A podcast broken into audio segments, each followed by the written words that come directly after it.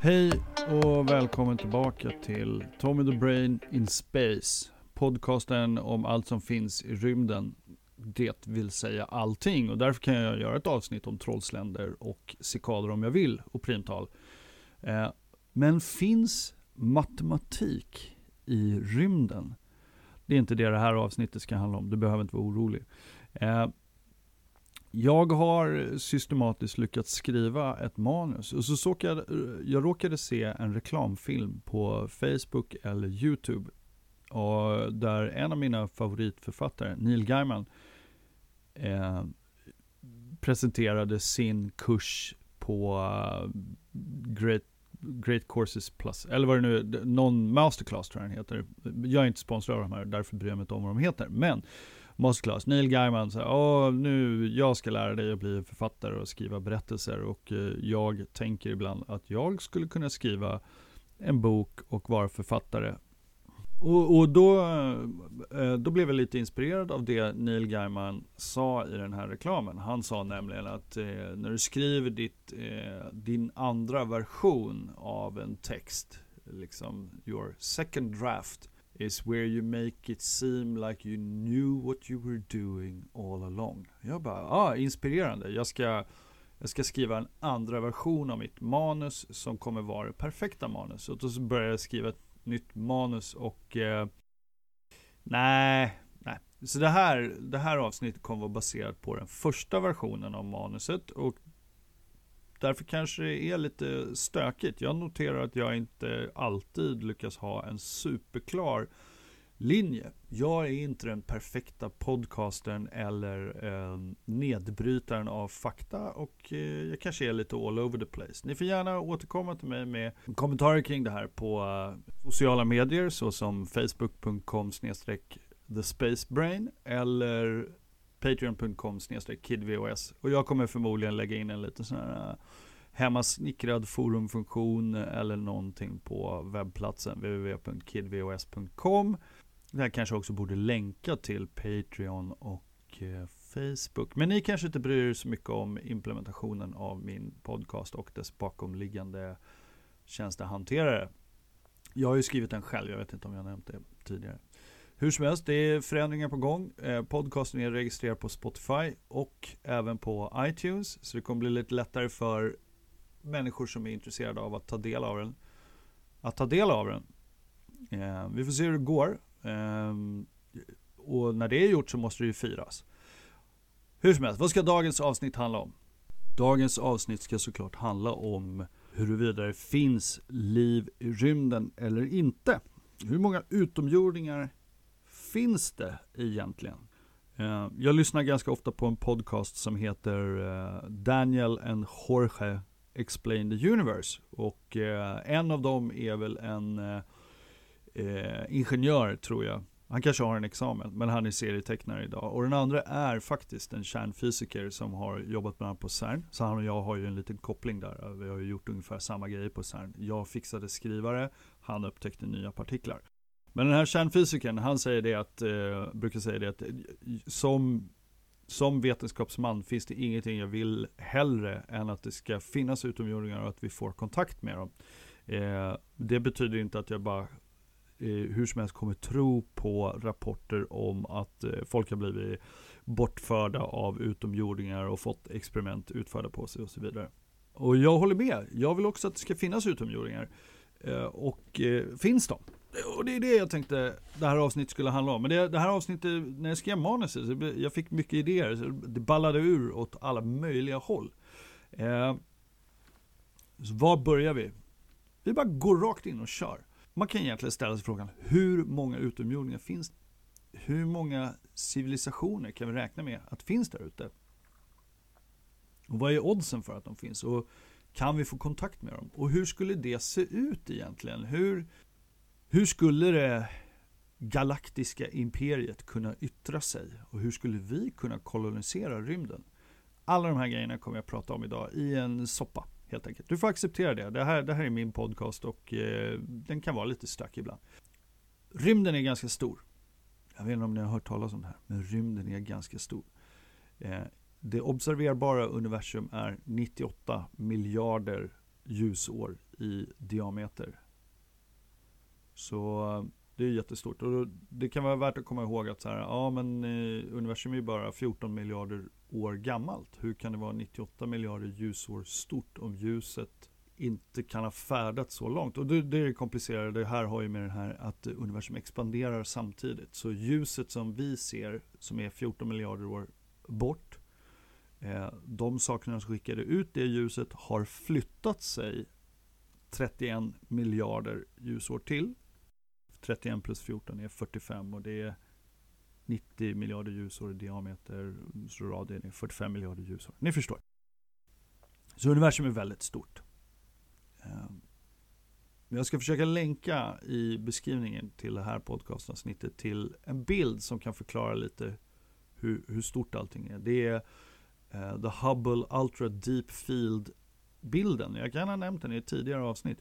Den visar en liten skärva av himlen jag har för mig att den var stor som en lillfingernagel om man håller ut armen eh, rakt framför sig och tittar upp mot himlen. Och den bilden innehåller ja, typ 60 000 galaxer. Eh, man lät alltså Hubble-teleskopet bara exponera väldigt länge. Alltså man lät slutaren vara öppen väldigt länge. Och så fotade den bara rakt ut i rymden på en plats som inte såg ut att innehålla någonting alls. Och den bilden innehåller 60 000 galaxer. Så vart vi än tittar ut i rymden så är det bara galaxer, galaxer, galaxer överallt. Man uppskattar antalet galaxer i det observerbara universumet till 2 biljoner. Det, biljoner på svenska heter trillion på engelska och billion på engelska är en miljard. Det är jättebra tycker jag att vi har olika namn för eh, stora tal. Men en svensk biljon är eh, en etta med 12 nollor. Så 2 biljoner är en tvåa med 12 nollor efter sig. Och i varje galax så finns det ungefär 100 miljarder stjärnor, lågt räknat.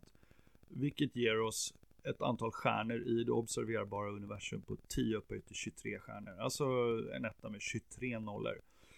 När talen blir så här stora börjar de bli meningslösa. De är så stora så att om man skulle skriva ut dem så hinner man inte. Jo, de här talen, när man har så här mycket stjärnor i universum eh, så blir det, oh, det går inte att förhålla sig till de här siffrorna. Eh, men man beräknar att det finns en gång i tio upphöjt till 18 sandkorn i alla öknar och på alla stränder tillsammans. Så antalet stjärnor i hela universum är ungefär 10 000 gånger större än det. Jättemånga. Så många stjärnor. Givet att det finns så många stjärnor i universum eh, så ter det sig lite orimligt att det inte skulle finnas mer intelligent liv där ute. Oddsen talar liksom för det. Vi vet ju också att det faktiskt finns liv på åtminstone ett ställe i hela universum. Men spelar det någon roll om det finns liv på en anonym planet i en anonym galax 45 miljarder ljusår bort? Nej, tycker jag. Och jag ska förklara varför. Vår närmaste galax vår närmaste grann, vår granngalax faktiskt, Andromedagalaxen ligger 2,5 miljoner ljusår bort. Om det inte är så att vi kan komma på ett sätt att åka markant snabbare än ljusets hastighet, vilket enligt vår kunskap om fysikens lagar just nu inte är möjligt. Hastighetsgränsen för något som färdas genom rymden är ljusets hastighet. Så, så är det Ingen kommer komma från Andromeda-galaxen och hälsa på och det kommer vara ganska svårt att upptäcka exoplaneter och eh, tecken i exoplaneternas atmosfärer i Andromeda-galaxen för att se om det finns liv där. Men jag vet inte, vi behöver inte Andromeda-galaxen eller någon annan galax för den delen heller. Vi bor ju i den bästa galaxen, Vintergatan. Här finns det liv, vi finns här, så vi vet att det kan finnas liv i Vintergatan. Den är inte ett dödligt minfält av katastrofer som gör det omöjligt för liv att uppstå. Och i Vintergatan så finns det mellan 100 och 400 miljarder stjärnor. Jag tycker det är lite intressant att vår siffra på hur många stjärnor som finns i Vintergatan har ett spann på 300 miljarder.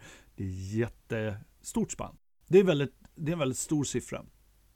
Det är faktiskt så att det är svårt att förhålla sig till konceptet en miljard. Eh, som exempel, tänk dig att du har en miljon kronor. Det är ganska mycket pengar även idag. Det räcker till handpenning för en etta med kokvrå i Stockholm på 17 kvadratmeter. Så det är inte illa. Har man 100 miljarder så kan man betala handpenning på 100 000 sådana lägenheter. Det är jättemycket. Tänk dig vad som helst du kan köpa för en miljon. Har man 100 miljarder så kan man köpa 100 000 stycken sådana. Till exempel bilar som kostar en miljon kronor. Du kan köpa 100 000 sådana bilar. Vilket naturligtvis betyder att du kan köpa 50 000 sådana bilar och fortfarande ha väldigt, väldigt mycket pengar kvar. Och det är därför det är bra att vara miljardär. En av mina ambitioner sedan länge och jag jobbar hårt på det. Eh, har jag nämnt att du kan stödja podcasten via, via Patreon? Eh, gärna med en miljard. Okej, okay men det är om vi har 100 miljarder. Så 100 miljarder till 400 miljarder. Vi lägger oss i mitten. 250 miljarder stjärnor på ett bekvämt avstånd och max 120 000 ljusår. Nästgårds. Våra nutida observationer tyder på att alla stjärnor har planeter i genomsnitt. Jag tror det är så att när man har letat efter exoplaneter så är tendensen att man hittar dem överallt. Så i vår galax så finns det med ganska stor sannolikhet minst 250 miljarder planeter. Om vi räknar med att det är 250 miljarder stjärnor så finns det 250 miljarder planeter. Och minst en av dem har liv, vår, inte illa. Men vi har ändå inte under de senaste 70 åren upptäckt tecken på liv ute i rymden. Inga signaler, inga utomjordiska tv-program, ingenting. Är det bara vi i den här galaxen? Va? Vad händer om vi applicerar matematik på det här? Om vi räknar ut lite, så här, vad, vad, är chansen för att det finns en civilisation där ute som kan och vill kommunicera med oss? Jag kanske inte vill, men kan, kanske blir tvungna att svara i telefonen om vi ringer. Klura lite på det. Eh, vi börjar med att det vi vet, vi finns. Vi har haft radio och tv i hundra år. Och de signalerna skickas på gott och ont ut i universum för någon att höra.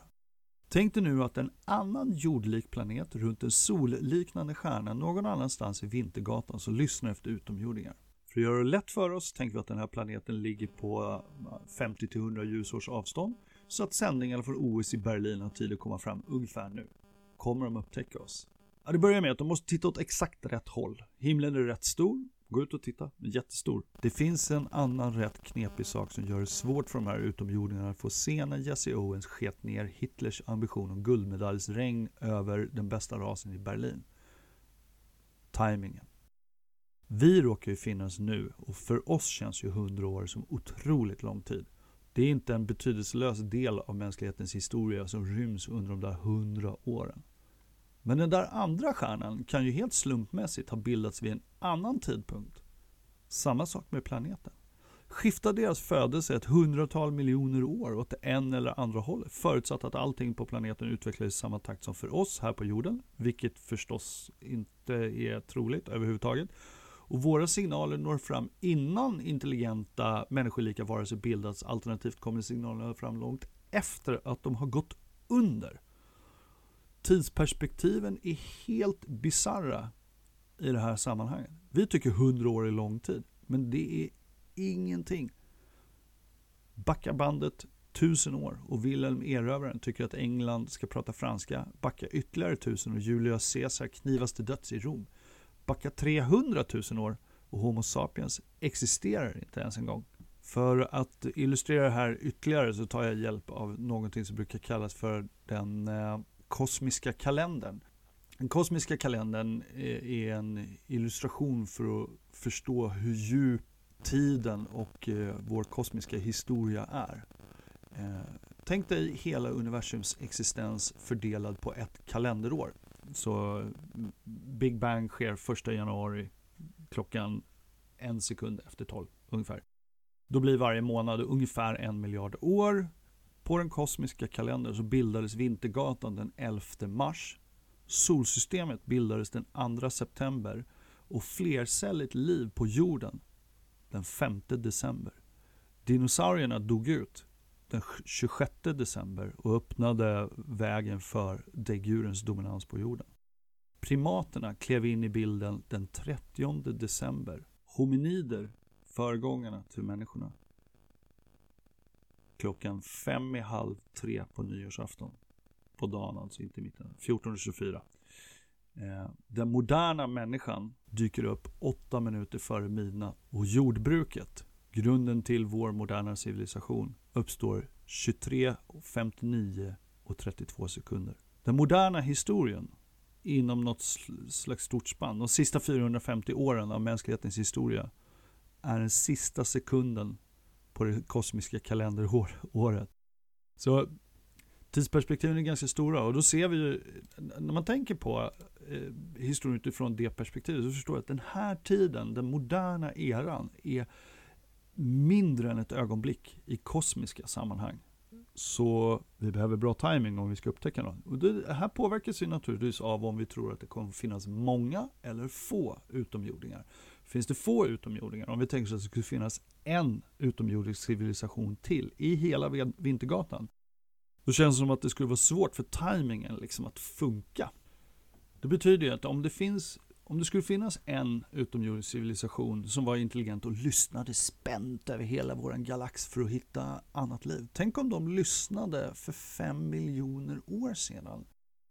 Det var då vi skildes från vår gemensamma förfader med eh, schimpanser, gorillor och orangutanger. Tänk om den här civilisationen inte kan skicka ut några signaler. De ligger efter oss helt enkelt. Förrän om fem miljoner år. Du och jag är inte kvar, men är människan kvar om fem miljoner år? Givet evolutionstakten för djur på jorden så är svaret nej. Något annat kommer finnas, förhoppningsvis. Men det är nog inte människor i vår tanke. Alltså, den moderna människan, Homo sapiens sapiens, är 200-300 000 år gammal. Fem miljoner år tillbaka, inte människor. Okej. Okay. Men hur många finns det då? Det här är ju jättesvårt om det skulle vara så att det finns en enda civilisation där ute. Kan vi uppskatta hur många civilisationer det kanske finns där ute? Jo, man kan använda någonting som heter Drake-ekvationen. Den är uppkallad efter en astronom som heter Francis Drake. Jag kommer inte göra någon bio om honom. Jag tror han lever fortfarande och han är mycket för det här med att hitta utomjordiskt liv. Jag kommer läsa upp den här ekvationen. Det här kommer vara, det kommer vara det bästa podcastunderhållningen i år 2020. Jag känner att jag kommer få pris för det. Här kommer det. N är lika med R-stjärna gånger FP gånger NE gånger FL gånger FI gånger FC gånger stora L. Där har ni en massa bokstäver efter varandra men gånger emellan. Det är allt ni har drömt om. En mattepodcast. Nej, eh, de här olika faktorerna. N är antalet civilisationer i vår galax inom vår ljuskon. Ljuskoner, jag kommer faktiskt ta upp det lite senare i avsnittet, men det har med relativitetsteorin att göra och jag kommer försöka förklara varför det är viktigt. Eh, jag går igenom faktorerna i den här ekvationen. R, stora R, det är genomsnittlig stjärnbildning. Hur många nya stjärnor bildas det i galaxen eh, per år? Eh, FP är andelen av stjärnorna som har planeter. NE är snittantalet planeter som kan ha liv per stjärna som har planeter. FL är andelen planeter av de här då som utvecklar liv. I är andelen planeter med liv som utvecklar intelligent liv. FC, andelen av civilisationerna, det, det intelligenta livet som utvecklar teknologi vi kan upptäcka med observationer härifrån vår ända av galaxen. Och L är tidsrymden under vilken de sänder ut signaler. När den här ekvationen först skapades så hade vi inte bra information för någonting av det här och idag har vi lite bättre information på några av faktorerna men många är fortfarande ganska osäkra. Vi kan börja uppifrån och ner eller från vänster till höger för det är ofta så man skriver ekvationer. R, stjärnbildning. Den moderna siffran är att det bildas ungefär 1,5 till 3 nya stjärnor per år i Vintergatan. Så den där siffran 250 miljarder kommer vara 250 miljarder 3 i slutet av 2020. Vilket är en ny stjärna. Badass. Eh, vi tror, som jag nämnde tidigare, att eh, andelen stjärnor som har planeter är 1. I princip alla stjärnor har planeter. Undersökningar med moderna planethittarteleskop ger oss uppskattningar på att det kan finnas ungefär 40 miljarder planeter av jordens storlek på rätt avstånd runt gul-sollika stjärnor och röda dvärgar i Vintergatan. Alltså alla stjärnor är ju inte jämlika. Jättestora röda jättar och blåa super superjättar som Betelgeuse som jag gjort ett helt avsnitt av och andra sådana här jättestjärnor. De är inte användbara som eh, eh, livsuppehållande stjärnor för de lever för kort tid. Eh, de lever bara i några hundra miljoner år och vi Liv behöver inte nödvändigtvis så lång tid på sig för att bildas, nej, men om stjärnan dör så kan inte livet utvecklas vidare. För det tog väldigt lång tid för ett flercelligt liv att uppstå på jorden. Så en uppskattning här säger nu att det finns 40 miljarder planeter av jordens storlek på rätt avstånd runt rätt typ av stjärna i galaxen. Stjärnor som lever länge. Så då får man en siffra på någonting, eh, 0,4 eller någonting som vi stoppar. Sen kommer en svår fråga, hur lätt uppstår liv? Jag personligen tror att om förutsättningarna är rätt så är det inte bara oundvikligt. Jag tror också att liv är oerhört robust. Alltså det är svårt att bli av med liv på en planet när det väl har fått fäste där. Men vi har bara en planet att titta på. Och på den här planeten är det så att var vi än tittar på jorden så finns det någon form av liv där. Längst ner i, man trodde inte att det kunde finnas liv nere i eh, vulkaniska vents på havets botten. Men nu tror man att det kanske var där livet uppstod, etc. etc. Vi drar till med 0,1 som faktor på eh, den här siffran. Eh, livet uppstår på 10% av de här planeterna. Efter de första tre värdena, eh, ta en sån här grej apropå förutsättningar för intelligent liv. Som också är en faktor i den här ekvationen. Alltså, tänk att liv uppstår, men det är bakterier. Det, de kan inte skicka ut signaler, men de kan förändra atmosfären. Eh, men vi då, förutsättningar för att vi finns, hade vi ens existerat om inte en meteor hade kommit och eh, sabbat klimatet för dinosaurierna? Och vad hade en intelligent dinosauriecivilisation sett ut som? Ingen vet. Så vad är oddsen för intelligent liv? Det är väldigt svårt att uppskatta. Alla värden efter de tre första är ganska grova uppskattningar. Men en intressant faktor är den sista. Tidsrymden under vilken man skickar ut signaler i rymden. Vi har skickat ut signaler i rymden i ungefär 100-150 år, alltså sedan radion uppfanns. Det är väldigt kort tid som jag redan exemplifierat. Så om vi skulle säga att vår civilisation klarar av 100, 100 eller 200 år till, då får vi 300 år. Och om vi säger att liv generellt är sällsynt, så får vi ett resultat från Drake-ekvationen som är 9 gånger 10 upp minus 13. Det är alltså 0,00013 nollor och sen en nia på slutet. Det skulle betyda att vi är ensamma i Vintergatan men om vi istället tänker oss då en civilisation som kan leva i en miljard år, då, då är det 15 miljoner potentiella civilisationer. En stor siffra, återigen, svårt att, hålla, eh, svårt att eh, förhålla sig till. 15 miljoner är stor. För att få upp 15 miljoner måste man ha 30 500 lappar. Men om vi har det här stora spannet då. Vi, vi kan anta att eh, antalet civilisationer är någonstans mellan 1 och 15 miljoner. Var är de då? Vi har fortfarande inte upptäckt några. Och det är det som är det som kallas för Fermi-paradoxen. Enrico Fermi var en italiensk-amerikansk kärnfysiker som byggde den första kärnkraftsreaktorn och atombomben. Jag menar, om du kollar på mitt CV så är inte det likt det här. Man kan ju diskutera atombombens väl och ve, men vi har inte haft ett konventionellt storkrig sedan andra världskriget, kanske tack vare kärnvapen man kan ifrågasätta om det var schysst eller inte att atombomba Japan. Men alternativet, nämligen en amfibisk invasion av Japan under andra världskriget, hade inte varit bra för USA. I alla fall, Fermi jobbade på... Eh, jag kommer inte ihåg vad han jobbade när han skrev lite siffror på en servett och plötsligt utbrast under en lunch sommaren 1950.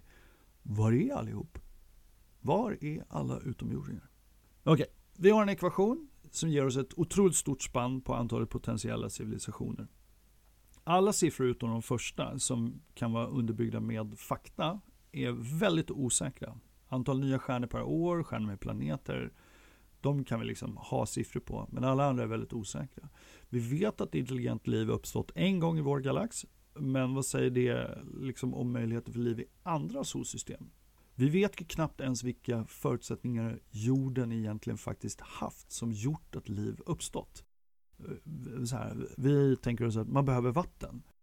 Men om ni kommer ihåg avsnittet om Jupiter så en av de ledande teorierna nu kring Jupiters historia i solsystemet är att Jupiter vandrat fram och tillbaka genom solsystemet, minskat Mars storlek, tagit bort asteroider och liknande. Allt, allt det här kan ha lett fram till att just du och jag sitter här idag och lyssnar på den här podcasten.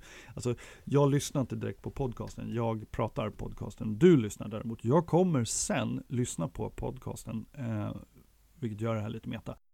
Vår existens på jorden är beroende av väldigt många händelser under jordens historia. Till exempel att en asteroid slog ner och eh, eh, utrotade dinosaurierna till fördel för däggdjuren. Evolutionen går inte naturligt mot intelligens eller huggtänder. Den väljer inte medvetet. Det är bara så att den som kan få mest avkomma, som lever länge nog att få egen avkomma, tar med tiden över i den här ständigt virvlande kaotiska forsen av liv som inte går att stoppa. Men vad behövs för de där första förutsättningarna? Och hur många planeter uppfyller egentligen de kraven? Alltså för att det här hjulet ska börja snurra. Om ett av kraven är att man har en lutande axel mot ekliptikan. Ekliptikan är planet eh, som alla planeter i solsystemet snurrar eh, runt solen i. Och vår planet lutar mot ekliptikan och det är därför solen inte går ner över polcirkeln på eh, sommaren och inte går upp på samma ställe. Jorden lutar på ett specifikt sätt. Om det krävs, hur vanligt är det? Hur undersöker vi det med alla exoplaneter? Vi är ganska säkra på att en planet bör befinna sig i guldlockszonen där vatten kan ha flytande form. Och vi har precis nyligen, 2019, hittat en exoplanet där vi har upptäckt vattenånga i atmosfären. Ja, du hörde rätt.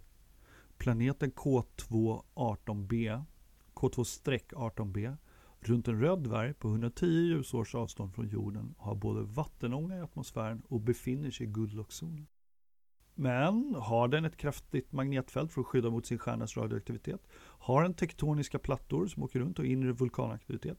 Har den en stor gasjätte som suger åt sig kometer som ett skydd, utom nyckelkometerna som behövs för att utrota djurarter som dominerar för mycket? Om vi radar upp de förutsättningar vi vet behövs för liv, en planet som har samma sammansättning som jorden och typ exakt samma historia. Hur många av de 20-40 miljarder planeter som kretsar runt en solliknande stjärna i vår galax är sån? Och hur länge kan ens en civilisation existera? Om vi skruvar upp de okända värdena i Drake-ekvationen så att vi får flera miljoner potentiella civilisationer, då blir frågan var är allihop mycket tyngre? Om vi är ensamma för att intelligent liv är så oerhört sällsynt, ja då kan vi inte förvänta oss att hitta något där ute. Men om vi tror att det kan finnas 15 miljoner eller mer, tänk de där 20 miljarder solika stjärnorna. Då måste man ju undra, varför har vi inte hört något? Och större tänkare än jag har klurat på det här. Tänk om det är så att liv är vanligt och att intelligent liv också är ganska vanligt och att civilisationer följer naturligt på det. Men att en civilisation aldrig klarar sig mer än 500 år. Vilken är den mest långlivade civilisationen i jordens historia? Kan man sätta naturliga gränser och var börjar och slutar de? Vi kan alltid titta på romarriket som varade i ungefär 1000 år. Och de använde romerska siffror för att sköta bokföringen. Men de gav inte av speciellt mycket elektromagnetisk strålning så vi får problem igen. Problemet består i att vi bara har ett exempel, vad man på engelska kallar sample size of one. Vi har inget att jämföra med alls. Så hur länge varar en civilisation efter att man börjat skicka ut elektromagnetisk strålning? Vi får väl börja från början. Eh, Marconi uppfann radion 1895, så radion är 125 år gammal. Och vi är mitt i en pandemi för kontext för framtida lyssnare, ifall att du inte lyssnar på det här i maj 2020. Eh, det är alltså maj 2020 och covid-19 har jorden och mänskligheten i ett tråkigt grepp. Så absolut worst case så var det här piken. Om vi stoppar in 125-150 år i Drake-ekvationen så blir vi ensamma. Och för att vi åtminstone ska känna oss ensamma så behövs inte en total utplåning av det intelligenta civiliserade livet där ute i kosmos. De behöver bara bli permanent vinklippta. I vårt fall skulle det innebära en teknologisk kollaps till 1850-talsnivå. Vilket förstås är rymdåldersnivå för någon som levde på 1000-talet. Allt det här är ju lite mindbending men exemplet som ger oss många civilisationer, många som vi potentiellt kan få kontakt med i Drake-ekvationen, kräver civilisationer som klarar sig i en miljard år. Vi behöver alltså bibehålla dagens nivå av teknologi och stabilitet 8 miljoner gånger längre än vad det har funnits. Det är bara 16 miljoner generationer. Hur svårt ska det kunna vara? Det är bara 5000 gånger längre än vad Homo sapiens anses ha existerat. Det är värt att satsa på det. Eh, det kan ju också vara värt att nämna att för en miljard år sedan så fanns inte våra kontinenter som vi har, har idag. Allt var samlat i en superkontinent som kallas Rodinia. Så en miljard år in i framtiden så ser jorden med 100% sannolikhet helt annorlunda ut. Även vi. För en miljard år sedan fanns inga av dagens djur. Den kambriska explosionen av liv dröjde ytterligare 350 miljoner år. Okej, vi går tillbaka till det vi pratar om, utomjordingar. Högteknologiska utomjordingar. En väldigt högteknologisk ras av superutomjordingar, de borde veta vad de håller på med, eller hur? med tillräcklig teknologi och tillgång till energi, som solen, så borde en miljard år, givet någon grundläggande teknologisk nivå, vara en formalitet. Jag menar, när man har löst alla problemen, då tuggar vi bara tåget på. Men var är utomjordingarna? Tänk om, eh, tänk om det inte går? Tänk om slutresultatet för alla potentiella civilisationer vi kan upptäcka är att de orsakar växthuseffekter på sin planet. Innan de vaknar upp och förstår vad de håller på med. Eller att samtliga skjuter kärnvapen på varandra. Eller något annat. Det här brukar samlas i en idé som kallas det stora filtret, the great filter. För att bli en galaxerövrande civilisation så måste man passera filtret. Det behöver inte alls vara så att filtret är just miljöförstöring. Filtret kan vara att man måste ha 27 graders lutning på rotationsaxeln på sin planet och en måne som är si och så stor, en Jupiter, etc. etc. Har man liv så kan man klara sig. Det skulle betyda att det stora filtret ligger bakom oss och att vi så att säga har tagit oss förbi det värsta. Ett filter bakom oss är alla hinder som gör det oerhört svårt att nå dit där vi befinner oss just nu. En tråkig konsekvens av det filtret är att vi kanske är ensamma just nu. Vi kan ha varit först hit. Det är bäst att vi satsar på att klara sig en miljard år så vi får veta hur det går. Men tänk om det här filtret är framför oss.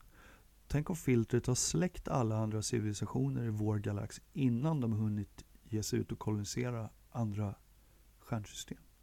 På vår planet har vi ett antal utmaningar att ta oss an innan vi kan koppla loss oss själva från vår sol. Det är inget betydelselöst problem att kolonisera en galax. Men kanske är det så att svårigheterna är så stora att det blir omöjligt. Vår högteknologiska rymdålderscivilisation har existerat i 70 år. Vi har landat på månen en gång har jag skrivit i mitt manus, men det är inte en gång ni vet. Men vi har liksom genomfört resan till en annan himlakropp en gång med människor. Vi befinner oss just nu i en global pandemi med väldigt svårförutsägbara konsekvenser. Om vi tar oss igenom det med vår civilisation intakt har vi fler utmaningar. Filtret kan ta många former. Vi har människor människoorsakade problemen som miljöförstöring, potentiella kärnvapenkrig, överbefolkning och annat som kanske är så svåröverstigligt att vi inte klarar av att ta oss förbi det. Men det är bara nu, i det kortsiktiga. Ingen på jorden vill egentligen att vi ska gå under och sent om sidor vaknar vi nog från den här slummen och börjar samarbeta. Det brukar faktiskt sluta så. Hoppas jag. Men vad gör vi om en meteor lika stor som den som dödade dinosaurierna ramlar ner på oss igen? Det stora filtret framför oss är alla hinder vi kan tänka oss, plus alla hinder som ännu är helt utanför vår horisont av fantasi som kan sätta, sätta käpparna i hjulen för en mänsklig civilisation som lever i en miljon eller en miljard år. Vi ser inget tecken på liv i vår galax än. Betyder det att alla som kunde nått ut bland stjärnorna har dukat under? Den möjligheten är en skrämmande konsekvens av att vi inte ser några andra där ute bland stjärnorna. Eftersom det betyder att inte heller vi har särskilt bra chans att lämna något avtryck. Om 15 miljoner potentiella samtida civilisationer Samtliga mötte det Great Filter, men inte tog sig förbi det. Vad talar för att vi gör det?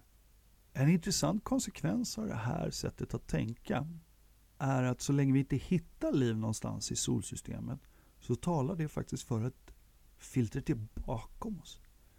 Ju mer sällsynt liv är i universum, och då menar jag liksom att liv uppstår överhuvudtaget, ju sällsyntare det är, desto mer talar det för att vi har passerat filtret. För om det är svårt för liv att uppstå, då är ju svaret på varför ser vi inga utomjordingar, så är det för att liv är sällsynt. Om liv är vanligt, så är det troligt att filtret är framför oss och då kan det bli tufft att ta sig förbi det. Exempel. Skulle vi hitta liv på Mars, så skulle det, för att citera Nick Boström, filosofen, vara en katastrof. Ju vanligare liv är, desto troligare filtret är framför oss. Om vi skulle hitta komplext liv någon annanstans så betyder det också att det blir svårare att ta sig ut i galaxen. Att natthimlen är tyst än så länge är bra för oss, för då har vi en chans. Det kan ju finnas andra svar på frågan varför ingen hör av sig och inte skickar rymdinstas till oss eller varför vi inte märker någonting. Tänk dig att utomjordingar, jag pratar ju om tajmingen, om vi förskjuter civilisationens utveckling fram eller tillbaka en stund så, så ser man ju inte livet. Vi har ju bara funnits i en blinkning. Så utomjordingar, de kanske har besökt jorden för 200 000 år sedan och bara, ja, trevlig planet, vi återkommer. Det kan ju vara så att galaxen är helt koloniserad, men att vi bor liksom i utkanten, vilket vi faktiskt gör. Vi bor i utkanten i en spiralarm i vår galax. Så eh, allt coolt kanske händer på andra sidan galaxen eller mer i mitten. Och eh, en annan potentiell förklaring kan ju vara att en riktigt avancerad civilisation inte alls vill kolonisera galaxen. De kan ha uppfunnit en dysonsfär och har därmed i princip oändligt med energi och gjort sig själva till virtuella varelser som bara lever i världens bästa fantasivärld i sin lilla bubbla. Apropå det här med dysonsfär så vill jag bara flika in att en dysonsfär är alltså, eh, det var en person som hette Kardashev tror jag som eh, kom på en skala för intergalaktiska eller en civilisation. Han pratar om energi, behov och hur mycket energi man har tillgång till. Så klass 5 är en civilisation som utnyttjar all tillgänglig energi på sin planet och en klass 4 är en som använder all tillgänglig energi eh, i solsystemet, alltså från sin stjärna och sen så all energi som är tillgänglig i en galax. Och ett sätt att få tillgång till all energi från en stjärna är att bygga en Dysonsfär uppkallat efter en fysiker som heter Dyson. Eh, och det är helt enkelt att man bygger en ihålig boll runt solen av solpaneler. Kom ihåg att jorden åker liksom runt solen i ett plan så här. Och vi, vi kan använda solceller för att få all energi vi behöver för våra behov just nu. Men tänk hur liten del av solens energi som faktiskt träffar oss.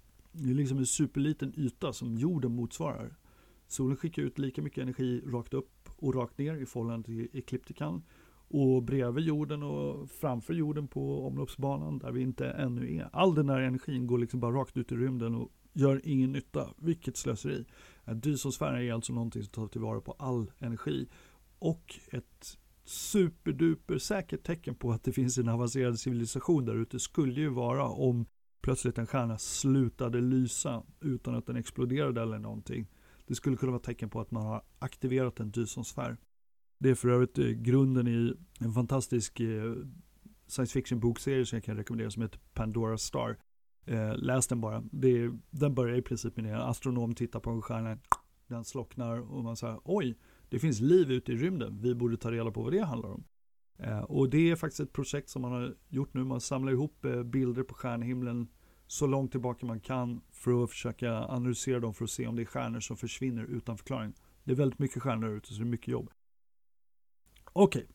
tillbaka till scenarierna som förklarar varför vi inte hör något från utomjordingar. Det finns fler scenarier förutom de jag nämnt. Ett läskigt är scenariot som säger att det finns civilisationer där ute och så fort de märker att någon ger ifrån sig ett pip så slår de till. De vill inte ge någon chansen att utvecklas till samma teknologiska nivå som de själva. De vill inte ha andra som konkurrerar om fastighetsmarknaden och driver upp priserna på stjärnsystem. Så passa på innan vi hinner ikapp och förbi. Innan någon hinner ikapp så bara samlar de upp en stor asteroid och skickar den på planeten. Bluff. Slår ut oss. Eller spränger våran stjärna. En annan teori som har ihop med den här skulle kunna vara att det bara finns en supercivilisation där ute. Och den dödar alla eh, som kommer till en viss nivå. Det är samma scenario, det är ingen skillnad på det här. En annan teori kring varför vi inte hör någonting är att vi blir observerade. Som om vi var i ett kosmiskt zoo. De förhindrar oss från att upptäcka eh, utomjordiskt liv. Och kanske när vi en viss når en viss nivå i tillräckligt avancerade så kommer de låta oss vara med i den galaktiska klubben. Det är svårt att tänka sig hur och varför utomjordiska intelligenser skulle agera på det här sättet. Men då kan det vara värt att titta på oss själva och eh, hur vi har betett oss genom eh, historien när vi mött enklare folk. Tänk på hänsynen du visar en myra när du går på en stig. När vi bygger en väg så sätter vi oss inte vid vägkanten och frågar myrorna vad de tycker om det. Så varför skulle en utomjordisk supercivilisation ta någon som helst hänsyn eller bry oss om oss? En lite trist tanke i det här. Så tänker jag att det kanske inte är ett stort filter. Det kanske inte går under utan vi bara stagnerar. Vi tog oss till månen. Vi kanske tar oss till Mars.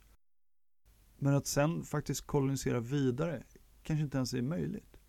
Det är för stora avstånd. Vi kan inte nå hastigheterna som krävs. Och vi kanske inte kan göra något vettigt när vi kommer fram. Och ingen annan för den delen heller. Vår närmaste stjärna, Alpha Centauri, som är tre stjärnor och förmodligen inte har en beboelig planet, skulle ta oss 450 år att ta oss till om vi reste i 1% av ljusets hastighet. Det snabbaste som något människobyggt någonsin har åkt kom upp i en hastighet av 0,064% av ljusets hastighet. En sån som åker runt solen. Med den hastigheten, 0,064% av so eh, ljusets hastighet, skulle det ta 7000 år att ta sig till närmaste stjärna. Hur genomför man ens en sån resa på ett meningsfullt sätt? Och hur skulle någon annan kunna göra det? Inget teknologiskt föremål som byggts har överlevt så länge. Tänk dig ett rymdskepp som ska innehålla representanter för oss, eller en utomjordisk ras för den delen. Och så tänker du att rymdskeppet ska klara sig helt intakt under en månghundraårig resa genom galaxen. Ingenting får gå fel. Eller så måste du ha så mycket backup och redundans för att skeppet med 100% sannolikhet ska klara resan. Naturligtvis har man klurat på det här. Det lär ju utomjordingar också ha klurat på. Hur ser en koloniserad galax ens ut? Finns det någon mening i det? Den där tidsrymden, 7000 år, backa bak och du hamnar 5000 år före Kristus. Då har vi precis börjat med jordbruk ungefär. Vad är mänskligheten i det sammanhanget? Vad anländer till den nya stjärnan och vad har den lämnat bakom sig? Men det går att kolonisera en galax.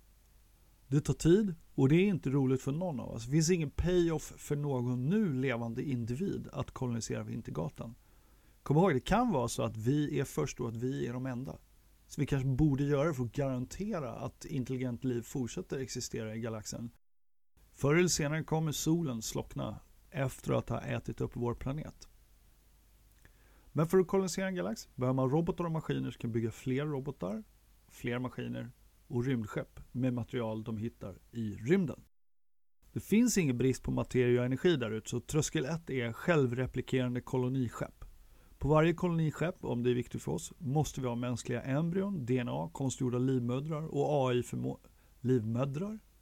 Livmödrar. Livmoder i flertal. Livmödrar. Eh, vi behöver AI-förmåga att uppfostra barn. Eller då liksom man kan ju tänka sig hibernering, alltså att man frys, fryser ner folk. Sovande virtualiserade medvetanden som växer när man når en planet. Eh, människor som är nedfrysta och kan tinas upp. Sådana skepp kan man skicka iväg utåt och vid varje nytt solsystem kan de sätta upp en station i omloppsbanan runt en lämplig planet, börja bygga fler koloniskepp som åker vidare. En fördel med att färdas i rymden är att man behöver inte sluta accelerera om man har tillräckligt mycket bränsle.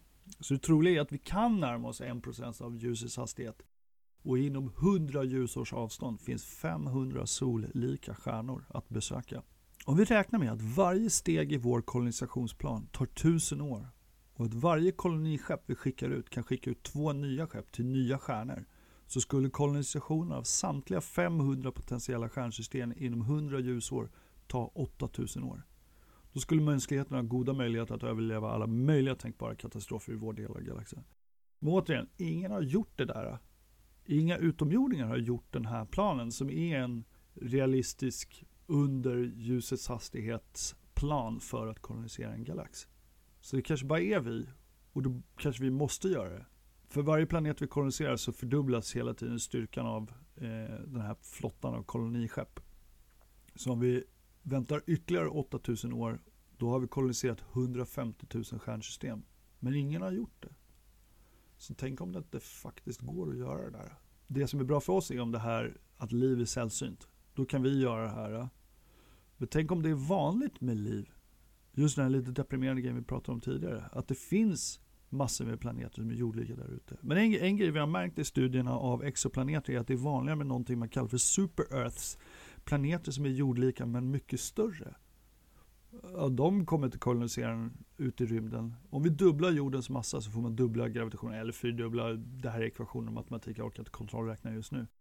Då, då krävs det större raketer för att lämna jordens gravitation. En större planet gör rymderan omöjlig eller i alla fall opraktisk och kanske ointressant för de som lever på planeten. Men tänk om anledningen till att ingen har gjort den här kolonisera en galax med koloniskepp som bygger nya skepp och så vidare. Ingen har gjort det för att det faktiskt inte heller går av någon anledning. Det går inte att bygga ett rymdskepp som klarar 7000 år ute i rymden och komma fram till en planet och bygga nya kopior av sig själv och kolonisera den planeten. Så hur gör vi då för att se till att det finns intelligent liv i rymden där ute för evigt? Ja, om vi tänker oss en superintelligent civilisation som våran fast smartare. Och så håller de på att jobba på det här. De kanske tänker, vi testar koloniskepp. Men de får aldrig ordning på det. Vad skulle man göra då? då? Tänk om det man kommer fram till till slut är att det går inte att ta det livet man har någon annanstans på ett rimligt sätt. Men tänk om man kommer på att man kan se till att det finns mer liv ute i rymden genom att skicka ut förutsättningarna för det. Den hypotesen kallas panspermia och det är bevisat vetenskapligt att virus, bakterier, aminosyror och andra komplexa ämnen kan överleva i kometer och att falla ner på jorden och vi vet att vattnet på jorden bland annat kommer från kometer som bombarderade jorden i det tidiga eh, stadiet av solsystemets existens. Det kan också vara så, när vi har gjort den här eh, 16 000 år in i framtiden koloniserat 150 000 stjärnsystem. Vad har vi då? Går det ens att kommunicera? Återigen, ljusets hastighet är inte jättesnabbt. Om vi skulle bygga en koloni på det närmaste stjärnsystemet, eh, Alpha Centauri, det tar fyra och ett halvt år att skicka ett meddelande. Det tar nio år att få ett svar tillbaka. Så mänskligheten och det intelligenta livet skulle bli oerhört splittrat. Men det kanske skulle gå. Ja, det var det jag hade tänkt prata om idag. Det visar sig att det här kunde man snacka om i mer än 50 minuter. Det kommer bli lite kortare såklart när jag klippt ner det. Om du vill stödja podcasten, gå in på www.patreon.com kidvos. Om du bara vill interagera med mig av ingen anledning så kan du gå till eh, facebook.com thespacebrain. Eh, och eh, förhoppningsvis så kommer podcasten snart få till, vara tillgänglig på både Spotify och iTunes. Och i sådana fall så skulle ett bra stöd för eh, podcasten kunna vara att man går in och eh, ger den fem stjärnor. Och rekommenderar den för vänner och det kommer vara mycket lättare att lyssna på den. Sådär. Okej, okay, det var det jag hade idag. Vad har vi egentligen lärt oss idag? Vi har sniffat lite på Drake-ekvationen, fakta kring sollika stjärnor och jordlika planeter i vår galax. Vi har undrat varför vi inte märker av några högstående civilisationer, även hunnit spekulera i hur en kollision av hela galaxen skulle kunna se ut. Men har vi fått svar på frågan, finns det utomjordingar? Nja. Tanken att liv inte skulle kunna uppstå på andra planeter är ju befängd. Men liv som är mer komplext, liv som skickar ut radiosignaler som vi kan få kontakt med. Vi har inga svar än. Hittills har vi inte fått någon kontakt. Jag avslutar med Arthur C. Clarke. Det kan vara på två sätt.